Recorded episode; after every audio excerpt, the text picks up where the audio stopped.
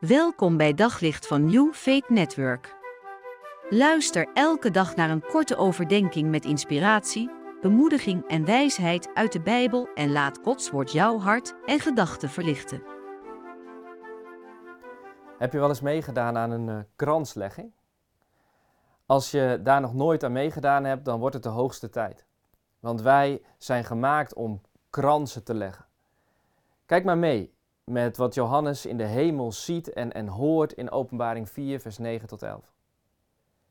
Telkens als we als deze wezens lof, eer en drank brengen aan degene die op de troon zit en die tot in eeuwigheid leeft, werpen de 24 oudsten zich voor hem neer die op de troon zit en aanbidden hem die leeft tot in eeuwigheid en leggen hun kransen voor zijn troon met de woorden, U komen alle lof, eer en macht toe, Heer onze God, want u hebt alles geschapen uw wil is de oorsprong van alles wat er is.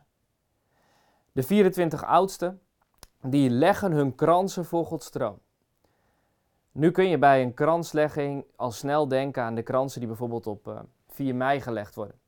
Ook dat gebeurt als een eerbetoon. Maar hier is iets anders aan de hand. In de tijd van het Nieuwe Testament ontvingen overwinnaars een, een lauwere krans. En die krans is een, een teken van eer, van overwinning, van macht. Het staat voor wat je bereikt hebt. Het is de kroon op je werk. Een christelijke aanbiddingsband draagt de naam Casting Crowns, kroonwerpers. En die prachtige naam wijst naar wat, wat hier gebeurt, kroonwerpers. De witte kleding van de oudsten laat zien dat ze mogen delen in de hemelse overwinning. Hun tronen en hun kronen laten zien dat ze mogen delen in de koninklijke waardigheid. En elke keer als God geprezen wordt, dan werpen zij hun kronen voor de troon om te tonen dat ze al hun waardigheid en eer van God hebben ontvangen. Door je krans voor Gods troon te leggen, zeg je: Alles wat ik heb, heb ik toch van u ontvangen. De wereld houdt ons voor dat je je eigen waarde in jezelf moet zoeken. En ondertussen houdt diezelfde wereld je voor dat je pas iemand bent als je een diploma hebt, een, betaalde, een bepaalde baan, als je maar luister toch naar, naar de kroonwerpers.